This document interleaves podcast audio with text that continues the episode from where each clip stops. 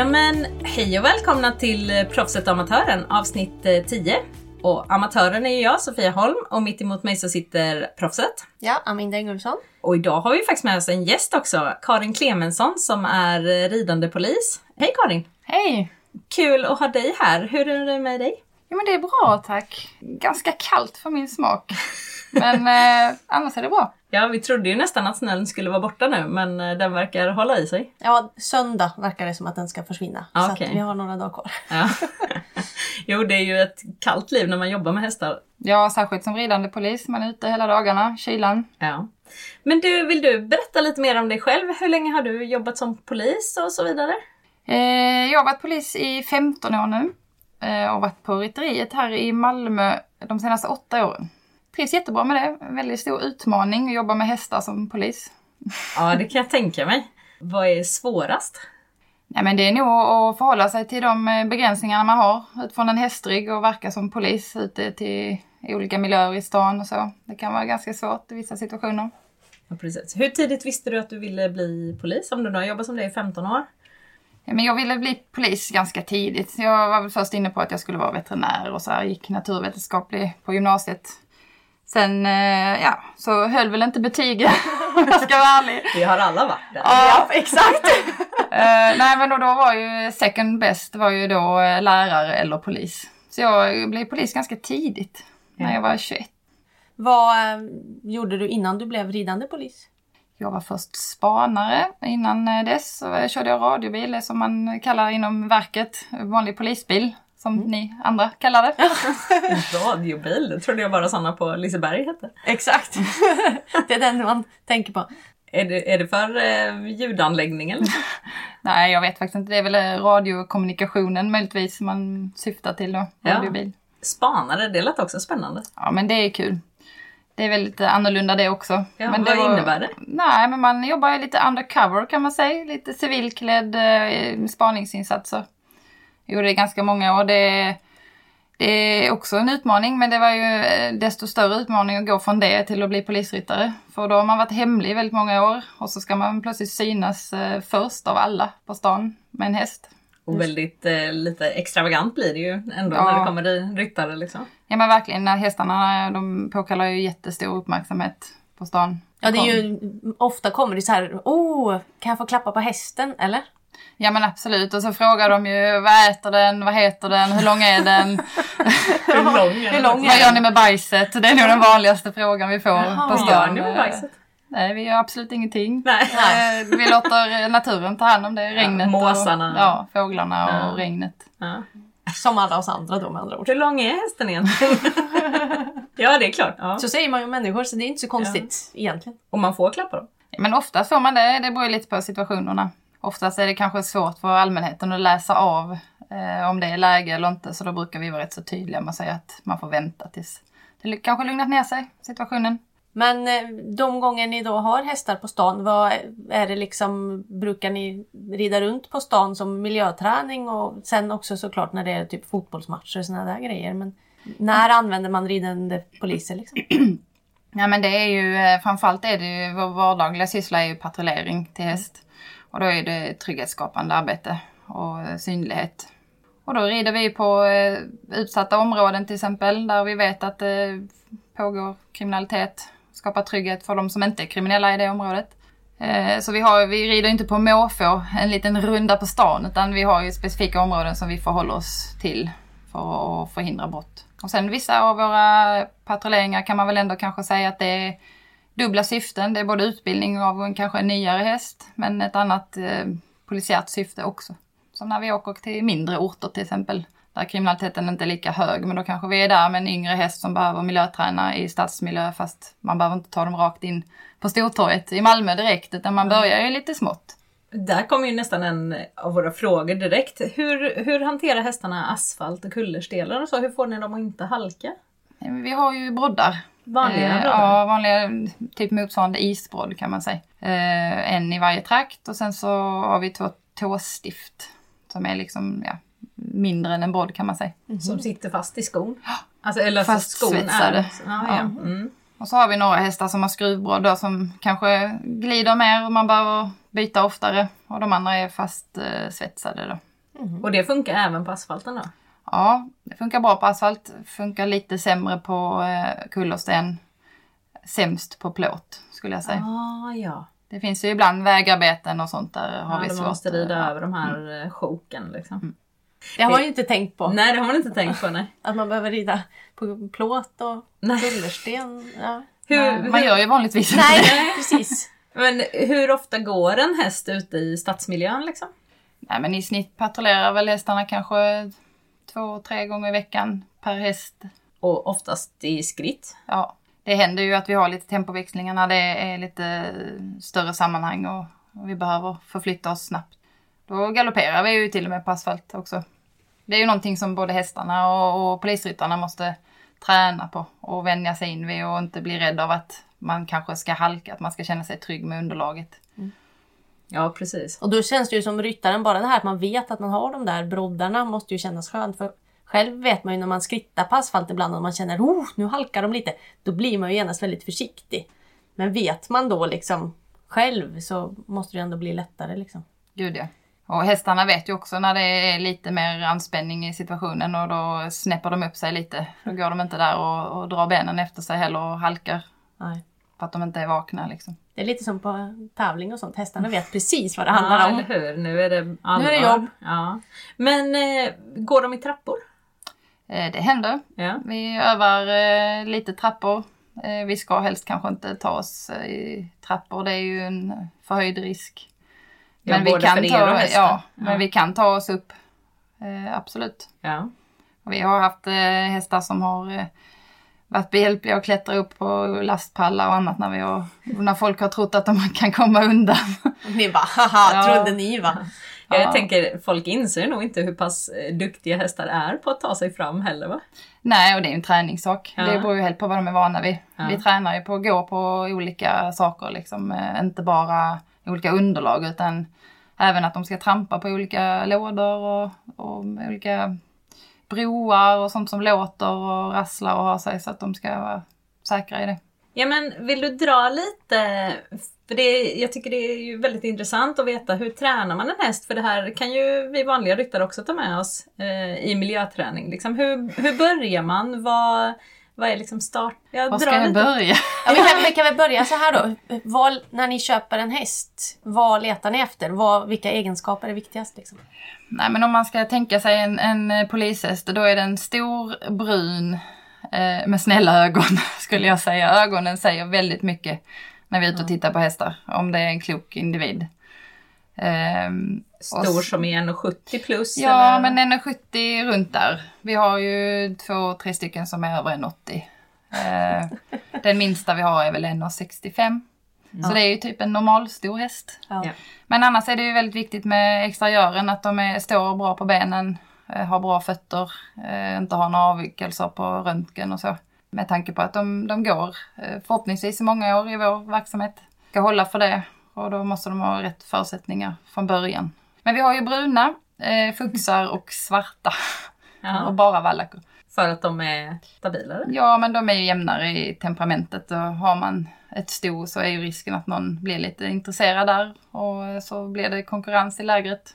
Ja, ni har inte riktigt tid att någon ska kicka till eller skrika eller... Nej, då vi lägger väldigt mycket tid på att träna att de ska kunna jobba nära varandra och stå ända uppe i varandra. Liksom. Vi jobbar väldigt tajt när vi jobbar i grupp.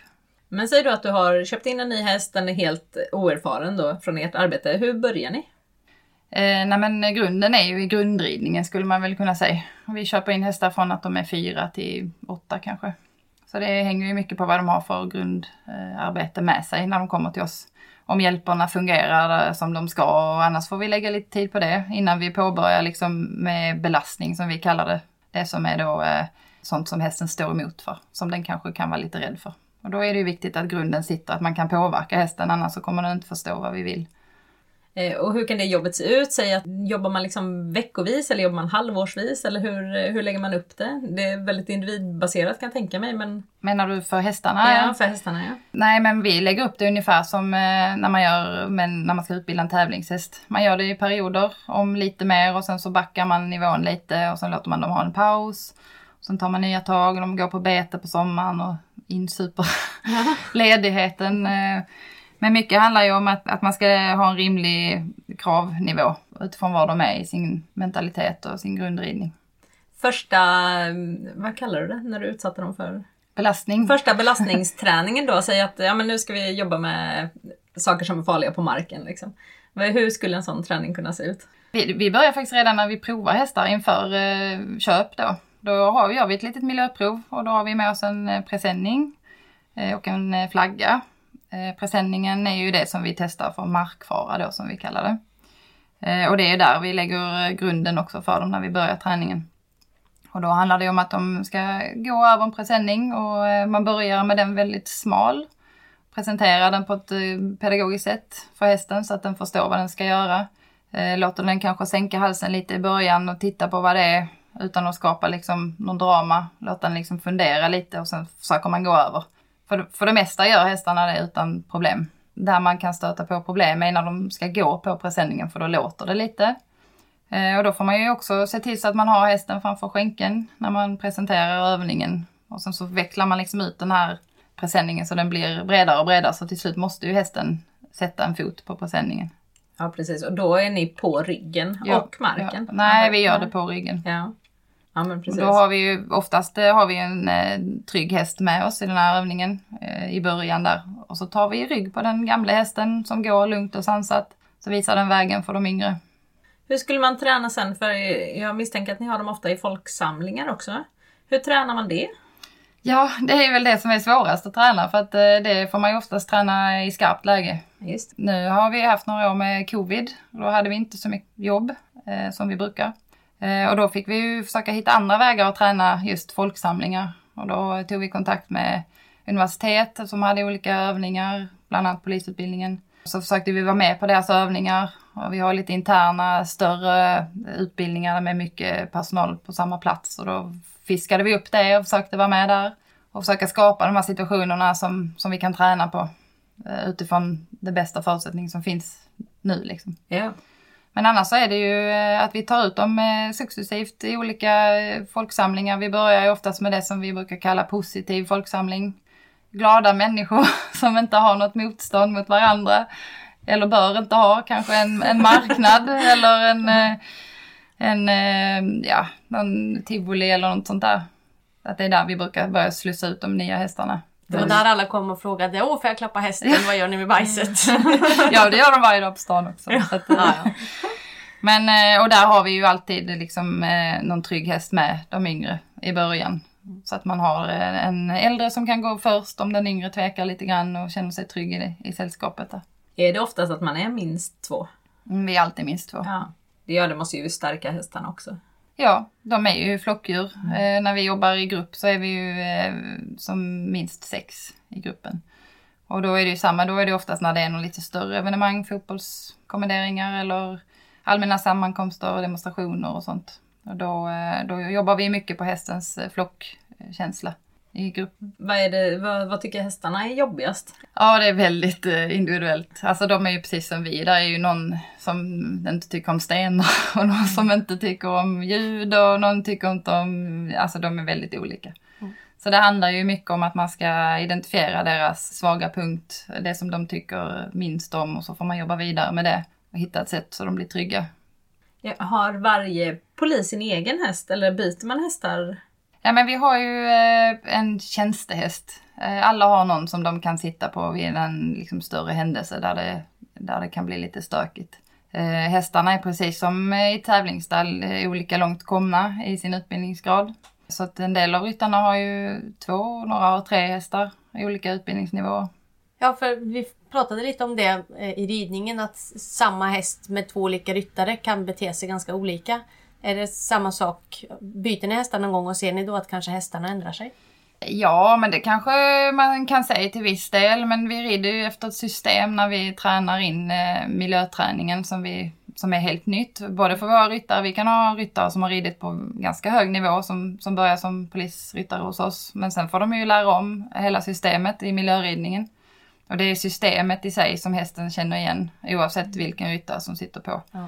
Det är därför vi försöker hålla oss till ett system att vi jobbar mycket med kroppsvikten och motställning och svag och stark hand med pisk och så. Eh, och det är ju liksom det systemet som hästen då ska känna igen sig i, är vår förhoppning. Vad innebär det? Svag och stark hand? Eh, nej, det, det innebär att du har pisken på, på motsatt sida mot där du har din fara. Så om du har, går förbi någonting som hästen tittar på, på på din vänstra sida så jobbar vi utifrån att vi ställer hästen åt motsatt håll, alltså till höger. Och sen har vår pisk i höger hand som då blir vår starka hand. För flyktvägen är ju alltid ifrån faran för hästen och genom att ställa den till höger så låser vi den bogen lite grann. Så att den inte har eh, möjlighet att flyta ut med bogen och, och försvinna. Och så förstärker vi med pisken om vi behöver på den sidan. Ja precis, så det är ju det som blir skillnaden. För vi pratar om det i och med att vi ofta hjälper folk som kanske, de kanske är lite rädda eller att de har problem. Men då är det ju ofta att då kanske hästen fungerar när den själv rider och sen så fort den vanliga ryttaren kommer upp så går den som vanligt. Men det är ju skillnaden då att ni rider på samma sätt. Liksom. Ja, det är ju grundprincipen att mm. man ska hålla sig till det systemet. Ja. Så, och det handlar ju också om att skapa trygghet för hästarna. Att eh, plötsligt så är liksom ordinarie pilot eh, sjukskriven och så ska mm. någon annan hoppa upp och så känner man inte riktigt knapparna på den. Och så ska man ändå kunna landa in i och det här systemet som hästen känner sig trygg i. Ja men om det händer något och nu gör ryttaren så här, så brukar ryttaren göra och nu känner jag igen mig. Ja. Man eh, kan ju inte annat än att tänka när du beskriver lite här hur ni tränar så tänker man ja det är ju som en träning på terrängbanan eller mm. man lär in vattenmattor eller diken eller vattenhinder eller vad som helst. Ja. Det är ju lite, man börjar med de små ja. och sen blir det större och läskigare och så kan man ha någon draghjälp. Men det är väldigt eh, likt eh, terrängträning tycker jag. Och ja. hur, eh, jag tror liksom hela grunden handlar om hur man presenterar problemet eller vad vi ska kalla det för, för hästen så att den förstår vad det är den ska göra från början oaktat vilken träning man håller på med. Ja, och just det där att bygga självförtroende, att de, hästarna känner att ja, men det här kan jag, det här var inte så svårt och så gör man det lite svårare och så känner de fortfarande att de kan och så gäller det att sluta i tid. Och sen hinner det mogna och sen ja. nästa gång så kan de lite till liksom. Mm. Nej men precis och jag tror liksom att det där är många likheter som sagt mellan terräng och just polishästridning för just utifrån det här med självförtroende och, och trygghet i ryttaren när man skapar relationer. För det är väldigt viktigt i terrängen med. Man får ju inte hästen att gå om den inte litar på piloten. Och det är ju samma eh, i polishästridningen. De kommer inte gå om man inte har byggt upp ett förtroende för varandra. Ja, för du är också fälttävlansryttare i grunden. Ja, det ja. stämmer. Jag har ridit med Aminda. Mm. Inte på samma nivå som Aminda nu, men, för, Nej, men förr i tiden. Ja. ja, det kan också nämnas då att vi faktiskt alla tre var ju med i Talang Skåne för hundra år sedan har vi kommit på. vi konstaterade att vi hade åldrats. Ja. Jo. Som det kan bli. Ja, som det kan att bli. Att vi skulle ses så här 20 år senare eller vad det nu kan vara. Jo, det är som sagt vi har tagit lite olika vägar. Ja. Eh, men det är ju bara spännande. Mm. Sen ses vi liksom igen i något gemensamt. Det är ju också jätteroligt. Ja, verkligen. Mm. Nej, jag tänker det är ju verkligen så. Med, kommer man på första tävlingen då ska ju inte hästen ha några frågetecken i terrängen. Nej. Den ska ju förstå vad den ska göra. Jag tänker det måste vara samma sak i ett skarpt läge Ja men, ja, så är det. Och, eh, men oftast är det ju att vi försöker eh, skapa liknande situationer i vår hemma trygga miljö i ridhuset när vi skolar in hästarna från början. Ju. Och då får man liksom fundera ut vad, vad kan man förvänta sig möta som polishäst? Ja men ljud och ljus och markfaror och sen så spelar det för hästen inte jättestor roll om det är en blå flagga eller en vit flagga eller som den ska gå på en kartong eller eh, en blå matta eller vad som helst. Utan det handlar ju snarare om att man ska presentera det på ett bra sätt och de ska känna sig trygga i det. Eh, och sen att man liksom tänker utifrån att det man gör i sitt ridhus hemma och tränar, lägger grunden, det tar man med sig ut och att man skapar liksom, man är inte rädd för att skapa de här situationerna för att bygga liksom trygghet hemma. Vad är den läskigaste situationen för er som eh, ryttare liksom? Nej, men jag skulle nog säga att det är alltså trafikrisken. Eh, stor risk för att bli påkörd om det är någon som inte hinner uppfatta att vi är på vägen. Vi har ju reflexer och lampor och gud vet allt. Eh, och bör ju synas.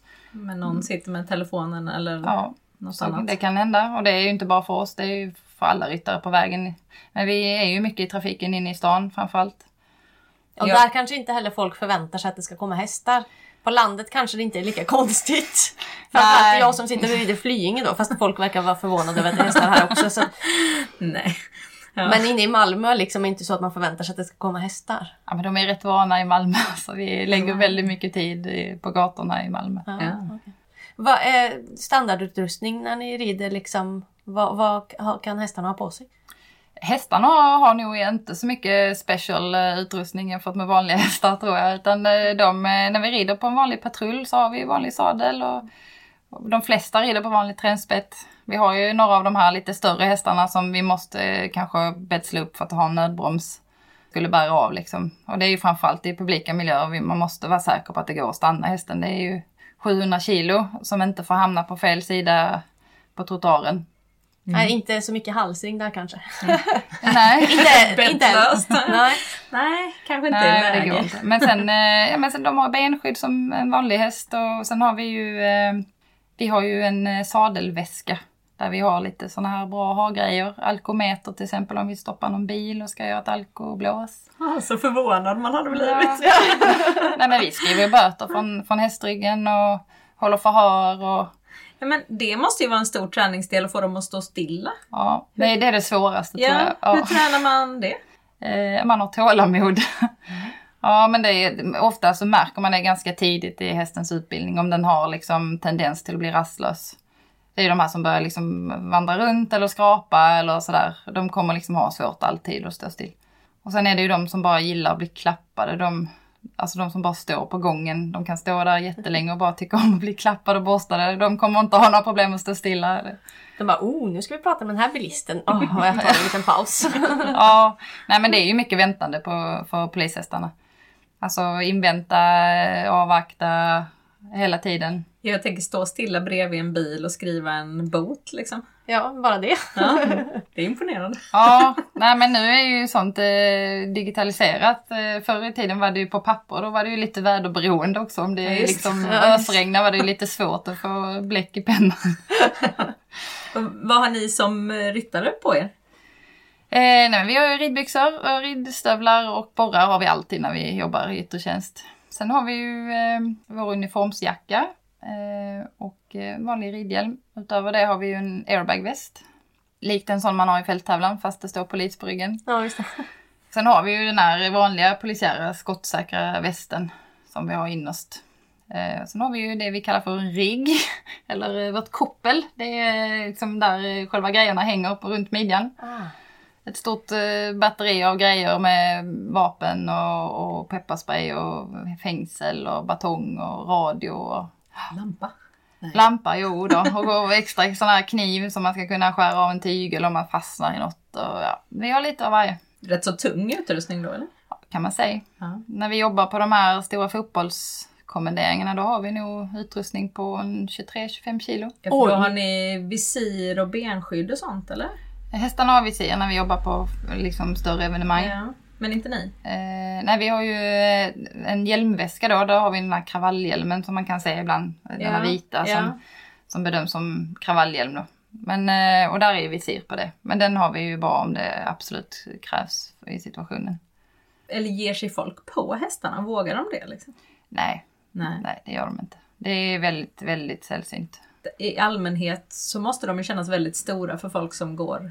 Ja, och framförallt alltså de skador som vi får på hästar det är ju generellt kanske att de trampar sig själva med brodden. Eller att de trampar varandra när vi står väldigt nära och det är lite stök så trampar de ju runt lite ibland för att, Och då, då händer det att de trampar sig varann, eller på varandra.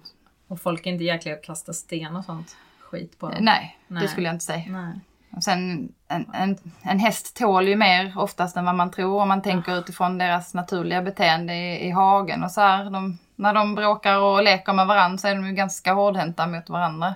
Också att gemene man är också väldigt rädd för hästar så att de flesta kanske kan man inte häst så kanske man flyttar sig när ni kommer och är det så att man kan häst så flyttar man också på sig.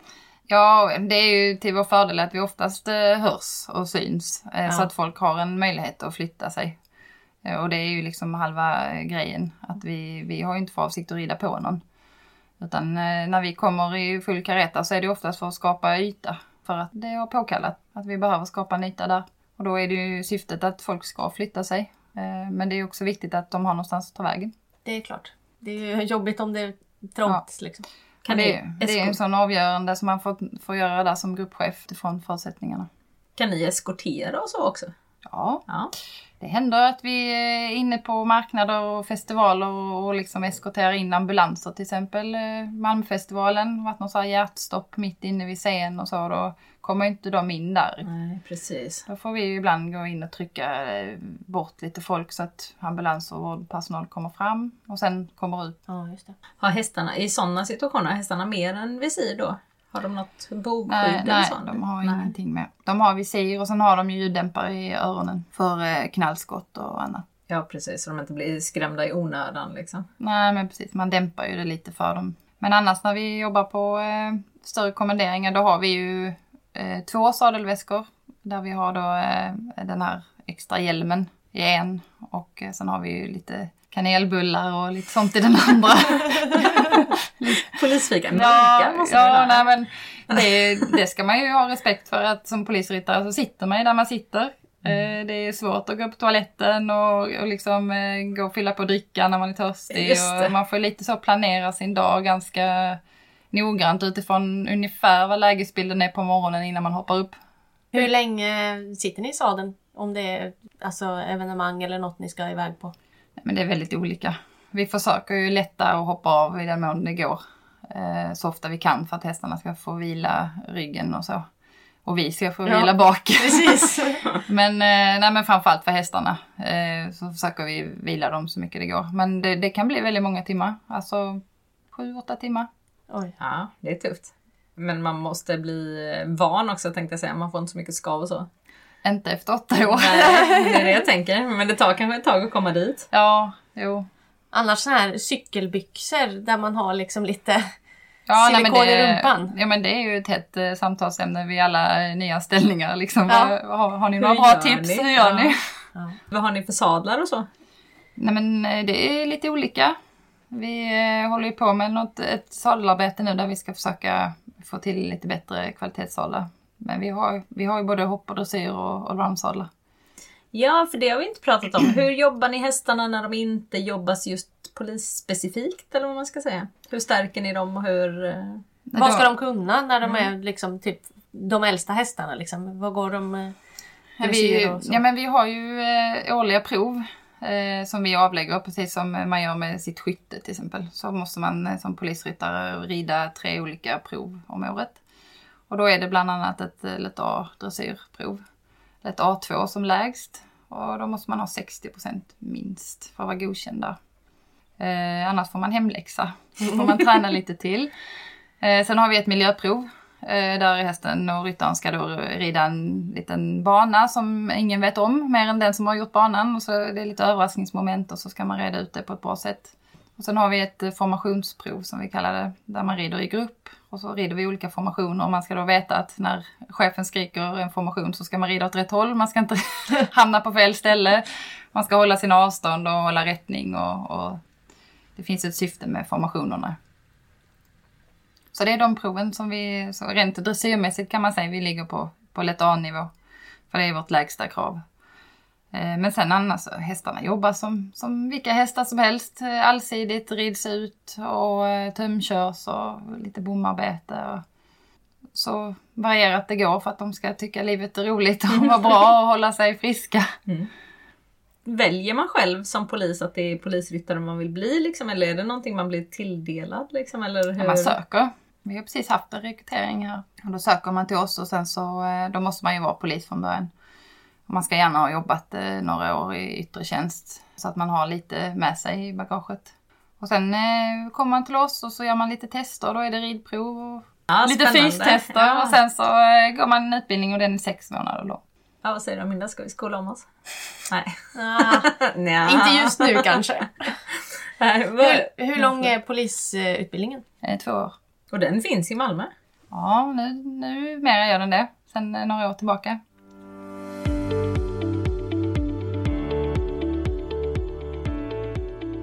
När ni är ute och eh, rider på stan sådär, eh, vad händer om någon trillar av och hästen springer bort? Ja, det, det är ju direkt obra skulle jag säga. nej, men man kan inte förvänta sig att folk på stan eh, vet hur man fångar en, en häst som är lös. Så att, nej, det hade jag väl kanske inte velat vara med om. Men skulle det mot förmodan hända så har vi ju polisradion tillgänglig alltid när vi är på stan. Och då larmar vi ju ut det direkt och går det till ledningscentralen. Och sen så blir ju det prioriterat att försöka hitta hästen då så att den inte åsamkar någon skada på stan. Det är ju stor risk att en häst blir förvirrad i stadsmiljö och den liksom springer ut i trafiken och så. Men samtidigt så är vi ju alltid två och två.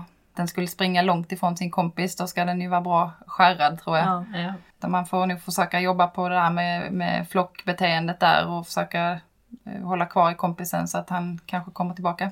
Ja, det låter ju också lite bra där att ha en polisradio. Själv är man, jaha, vem ska man ringa till? Precis. Mobilbatteriet är slut och Ja, oftast så springer de ju hem då. Men eh, det är ju kanske jobbigt för er om de springer hem för det kanske blir en bit. Ja, är vi i Helsingborg blir det jättejobbigt. Ja, det blir jättejobbigt. Så.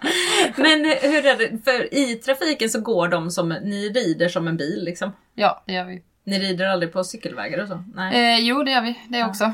Och det är ju en av våra styrkor att vi kan ta oss fram på alla eh, överallt i stort sett. Eh, och vi har ju eh, eh, Normalt sett får man inte göra det, rida på cykelbanor. Men det får polishästarna lov att göra. Och det är ju mycket också, vi jobbar ju utifrån eh, problembilder i olika områden. Det kan ju vara inbrotts, en inbrottsvåg till exempel i ett kvarter och då rider vi ut med trädgårdarna och har lite span på de här cykelbanorna och häckar och staket. Vi ser ju ganska bra in i, i folks tomter. Kan man Precis, ni ser precis över häcken sådär. Ja, Ja. Det är ju som när man rider på kvällarna, då kan man ju sitta och titta in i allas Mm. vardagsrum liksom. Vad de test, tittar på TV och allt möjligt. äter. Ja, typ så. Nu börjar det komma lite julgranar överallt Ja. och så. Vad, vad är det bästa med polisyrket? Och kanske först, vad är det bästa med att vara ridande polis? Men det bästa med att vara ridande polis är nog att man får så otroligt många positiva möten med människor. De flesta är jätteglada och positiva till hästarna och det är väldigt inbjudande. Det är inte lika inbjudande att vara radiobilspolis. Det är inte så många som kommer fram till en polisbil och, liksom, glad, eh, liksom. får jag lov att titta på din bil Nej. och ställer massa frågor om eh, vilken motor det är och så. Utan det är ju väldigt inbjudande med, med hästarna. Och det är jättekul att känna att man gör skillnad.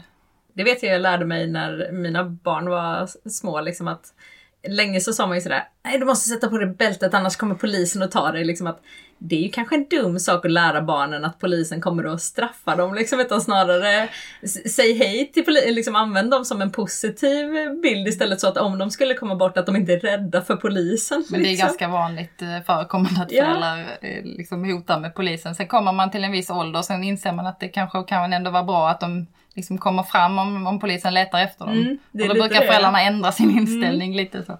Jo, så jag brukar alltid heja glatt på poliser istället för att hota med dem. när jag har med mig barnen då. Men och med att vara polis generellt. Men jag tycker det är, det är ett fantastiskt jobb. Man gör skillnad varje dag. Det är skönt att känna att man hjälper människor. Både i utsatta situationer och, och folk som har det svårt. Man kan göra skillnad. Jag förlåt, en annan rädd hare, liksom. är det läskigt?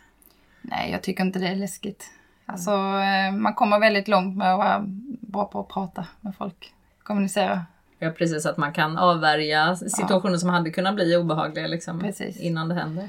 Poliser får ju ganska mycket träning i att bemöta olika situationer.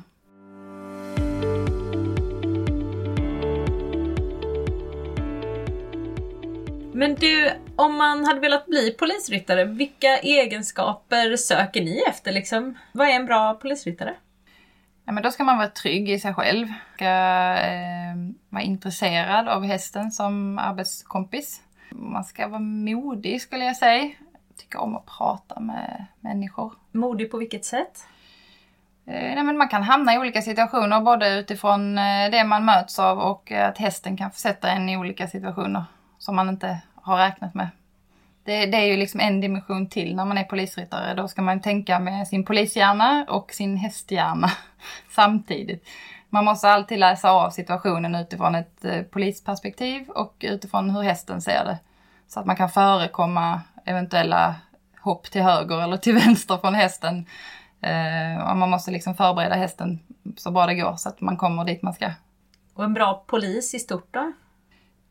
Men jag tror man ska ha förmågan att, att prata med människor i olika utsatta situationer. Man möts av väldigt mycket eh, sorgsna själar. Eh, man ska kunna ta det och prata som sagt med folk på, på, eh, så att man förstår varandra. Generellt tänker jag också att en bra polis är, väl Det är ju någon som har ett stort rättspatos, vad som är rättvist, och vad som är bra. Jag kan tänka mig med att ni får rätt mycket gemenskap och så, eller? Ja. Det... Alltså att det blir rätt tajta grupper liksom? Jo men det blir det och det är inte minst för att man eh, är med om eh, många situationer tillsammans. Som kanske, alla är ju inte sambos eller gifta med en annan polis som förstår vad det är man har varit med om kanske på sitt arbete. Men det kan ju vara rätt så utsatta situationer. Som, jag är jättenyfiken, är du det? Nej men nu tycker jag ändå att det Alltså nu de här hästrelaterade situationerna, de har jag ju varit med om men det är nu i de här åtta åren. Men när man körde radiobil då, är det ju, alltså, då kan man ju hamna i andra situationer med familjetragedier och barn som far illa och, och eh, skadade människor på olika sätt och, och, trauma som man sen kanske tar med sig hem i vissa fall. Det finns för och nackdelar med att, att leva ihop med en annan polis, om man säger så. Ja, ja för din sambo är polis? Ja, men det stämmer. Ja. Nej, det kan jag tänka mig att det blir, det blir både förståelse och väldigt eh, mycket kanske. Ja, men eh, å andra sidan hade det kanske varit svårt på andra hållet med någon som inte hade förståelse för eh, någon som jobbar med ett kontorsjobb och sitter vid en dator och så kommer man hem och så har man precis varit på ett, ett mordärende. Det är, liksom, det är helt två ja. skilda mm. saker och, och eh, kanske svårt att skapa förståelse för hur, hur man känner när man kommer hem från jobbet för de mm. olika situationerna. Verkligen. Ja, det är klart. Två väldigt olika eh, jobb är, kan bli en utmaning. Ja, jag tänker att man lär ju bli rätt ödmjuk inför livet också. Absolut. Ja, och man ser ju samhället från ett annat perspektiv än vad många andra gör. Som inte är hemma i, i andras hem på det viset som vi är i vårt yrke. Mm. Vi kan ju komma hem till, till vem som helst i vilka situationer som helst i stort sett. Och där är det ju ingen annan som är. Utan då sitter folk hemma i sin soffa och ja. som du sa, pyntar sin gran. Och, ja, precis. Och det, och det är ju en baksida med yrket såklart att man får se många delar av, av det svåra i samhället. Mm. Folk som, som har det svårt. Ja det är klart, man måste ju vara ganska mentalt stark för att klara av det i längden också. Man måste ju vara liksom ganska stabil för att orka med, eller? Ja, det, det skulle jag nog säga. Och att man eh, lär sig hantera det man får till sig i sitt jobb. Så att man inte bara lägger det i en ryggsäck och bär omkring och så en dag kokar det över. Jo, mm. för så tycker jag det kan bli bara om man tittar för mycket på nyheterna. Liksom. Att, så jag tänker se då verkligheten också i ens närmiljö. Liksom. Ja, för TVn är ändå TVn, det är ändå lite längre bort. Ja, det är någon sorts distans, men det kan vara jobbigt ändå med allt elände i världen. Och sen när man då får det liksom eh, varje dag nästan. Ja, och där tänker jag där jag är nu på rytteriet att det är ju en sån boost med djuren som, mm. eh, som ändå ger en, det som jag sa innan, de här positiva mötena istället. Vi, vi är också ute och letar efter försvunna personer ju mm. i terrängen som, som går vilse. Och, och hitta en sån som har varit borta och man har letat efter dem länge och vara den som hittar, det ger ju en sån boost. Verkligen. Mm, fantastiskt. Ja, och det är ju också polisyrket är ju väldigt brett. Nu har du ju provat på två olika eh, delar av det här. Om du nu skulle valt någonting annat, vad hade du velat prova på då? Ja, jag hade nog velat eh, bli helikopterpilot. jag tror både jag är för gammal och för lång. Jag vet inte, jag får nog inte plats i den där. Eh, men det är väldigt kul. Jag tycker också det är spännande med, med helikopter. Men det är svårt, det är väldigt svåra antagningstest. Ja, då, då är det mycket span kan jag tänka mig. Kan jag tänka ja, ja, men de har ju mycket fotograferingsjobb och de, jag, vet, jag är inte så jätteinsatt. Men det, det är häftigt att åka helikopter i alla fall. Ja, de måste ju leta mycket efter människor och bilar ja, och sånt ja. där. Liksom. Men om man, om man är nischad på häst så tror jag man är om möjligt ännu mer nischad som helikopterpolis. Ja. faktiskt. Ja, det kan inte finnas så många som jobbar Nej, med det. Nej, det är inte så många. Men ni som är då inom rytteriet, kan ni rycka in med de andra bitarna om det behövs? Liksom? Eller? Inte på helikoptern. Nej. men, eh, nej, men absolut. Alltså, vi är ju grundutbildade poliser allihopa. Och sen gör man ju som eh, ni förstår säkert saker mer eller mindre ofta mm. när man är på, på olika enheter som är nischade då. Eh, och som ryttare är det ju vår huvuduppgift att bedriva polisarbete till häst. Så det är ju det vi gör mest men det händer att vi kör bil också. Men är det bara ni som tränar dem eller är det andra som håller i grund, alltså så att ni får mer tid ute? Eh, nej, vi har ju eh, civilanställda också som eh, hästskötare som hjälper oss att rida en del Ja, så ni hinner vara ute och ja. patrullera så mycket ni som ni behöver. Liksom. Ja. Mm. Gör ni någonting annat än att vara i stallet? Alltså att rida och så? Eh, nej, det är ju det. Alltså vi patrullerar ju nästan varje dag med några hästar. Ja. Är vi ute. Och sen är det ju inte alla hästar som patrullerar alla dagar utan det är vi försöker snurra runt på det så att de ska hålla. Eh, men nej, vi går ju utbildningar som andra poliser också. Eh, precis som alla poliser i yttre tjänst så har vissa utbildningar man måste eh, genomföra årligen. Sen är det ju en del som har lite sidouppdrag eh, av olika karaktärer. Men i huvudsak är det ju det som tar tid att utbilda de här hästarna. Det tar väldigt lång tid, drygt två år, att utbilda en ny häst. Förutsatt att vi har alla liksom förutsättningar som behövs. Ja. Att det inte Ja. kommer en ny pandemi och... Nej. För då kan det ta längre tid. Ja, nej men det blir lite rörigare då att få ihop det. Då måste man liksom tänka lite utanför boxen. Hur löser vi det här? Ehm, när det inte är de här årliga jobben som kommer in som vi brukar vara på. Hur länge brukar de funka i verksamheten? Liksom? När brukar de pensioneras? Eh, men det beror helt på hälsan skulle jag säga och intresset. Vi har ju några som vi har sålt eh, i yngre ålder för att de inte trivs. Eh, eller de inte fungerar eller de verkar inte må De bra. kan inte stå still kanske? Nej, ja men precis. Och, och, eh, men annars så brukar vi försöka pensionera dem innan de liksom blir så dåliga så att de inte kan få en, en bra pension. Så nu den senaste vi pensionerade, han var 18. Mm. Då hade han varit hos oss sen han var eh, 7 tror jag. Det är bra jobbat. Ja. Men bara för att han hade varit där längst behövde det inte innebära att han var den bästa. det var en väldigt bra polishäst men han var inte, han var inte den tuffaste vi hade. Nej, nej, om vi säger så. ja. Han var en bra eh, sån lagspelare i gänget där bak. Ja men vad sa du, det var ögonen du tittar mest på när du ser liksom... Eh... Det låter lite som din häst tycker Ja, jag. jag tycker med det. Ja, nej men jag tycker ögonen säger väldigt Ja. mycket. Alltså hur eh, de är på insidan. Alltså om de är oroliga eller arga eller... Ja. Vi har ju någon eh, som har väldigt arga ögon och den är också lite arg. Ja, Och ja. har, har liksom lite issues med sina kamrater och, och liksom vill, han sparkar ju inte och så och biter men han vill ju gärna markera liksom att det här är min yta, kom inte för nära gröngöling. Ja, det är ju jättespännande att höra för någon som, jag tänker ni handlar ju säkert in rätt mycket hästar. Liksom. Att Jag väljer, råkar ju också ofta välja väldigt snälla hästar. Men jag har ju tänkt att det bara är tur eller att det liksom... Nej. Ja, men jag tror ändå att ögonen säger mycket. Och överhuvudtaget, det handlar ju mycket om att man ska lära sig att läsa sin häst. Och det tänker jag även för om man är privatryttare. Och håller på med utbildning av hästar överhuvudtaget oaktat eh, gren. Att man måste liksom lära sig att läsa hästens signaler. Och det är ju det det handlar om på polishästarna när vi är och provar hästar. De kan ju reagera på saker och vi vill att de ska reagera men sen är det ju liksom hur de tar sig an reaktionen som är det viktiga. Eh, varför reagerar de? Är de? Förstår de inte uppgiften eller är de rädda? Eller, alltså man måste kunna läsa sin häst eh, och, och reaktionen som kommer. Ja, det tänkte jag med som ett, vad är bästa tipset till någon som har kanske en lite tittig häst? Nej men jag skulle nog eh, rekommendera med att man kanske inte eh, frontar det som hästen är tittig mot. Man rider kanske inte rakt fram och liksom eh, såklart kan hästen nosa och titta liksom. Men sen om man vill, om det är någonting man vill närma sig, låt säga ett vattenhinder och hästen vill inte gå ner i vattnet. Då hade jag ju inte ridit eh, rakt ner mot vattnet utan jag hade ju börjat med eh, hästens sida. Rida på en volt och ha vatten på sidan om hästen så då hamnar ju liksom faran eller om man ska säga sidan om istället. Det blir inte lika inskränkande mot hästen som om det är rakt framifrån. Och så hade jag jobbat mig runt på en liten volt med vattnet på sidan om då och så, så gått närmare och närmare och sen till slut så, så kommer hästen och, och sätter ner en fot och så två fötter och sen plötsligt är man i vattnet. Och när man då kan rida i, eh, i vattnet liksom på en liten volt då hade jag överraskat hästen så småningom och bytt varv ute i vattnet. Det låter ungefär som en terrängträning. verkligen. Ja. Mm. Ungefär. Mm. Ja, som sagt, det finns stora Ja. likheter. Det gör det faktiskt. Om man eh, nu vill bli polis, hur gör man då? Söker man till polisutbildningen, då måste man ha fyllt 18. Sen är det olika behörighetskrav. Utbildningen är två år lång. Och sen har man då sex månaders aspiranttid efter det. Och aspiranter det är som en betald praktik typ. Precis. Och så får man då gå med mentorer som, som introducerar en i yrket.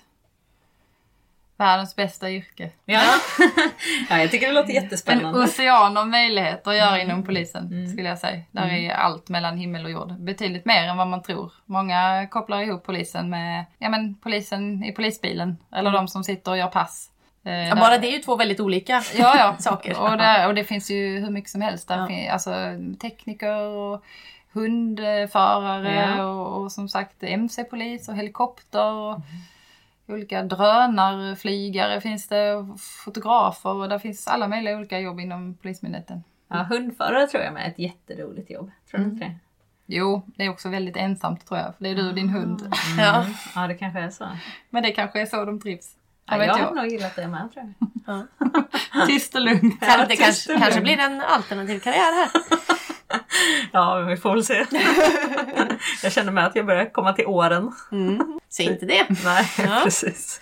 Ja, men jättespännande. Ja. Ett eh, väldigt spännande yrke, måste jag säga. Mm. Ehm, Jo, det tänkte jag med på. Hur mycket kvinnor versus män är det överlag och inom hästeriet? Liksom? Eh, på rytteriet så har vi för närvarande två herrar som polisryttare. Mm. Det kommer utökas Mm. inom kort här. Mm. Men det är ju generellt svårt att hitta eh, killar som, som är dels intresserade och eh, alltså det är en minoritet när vi har ansökningar. Ja, det är klart, det är kanske inte så många killar som rider heller på den nivån. Nej, det är det där lilla nålsögat. Ja. Och så fort vi får nys om någon så ringer jag och tjatar.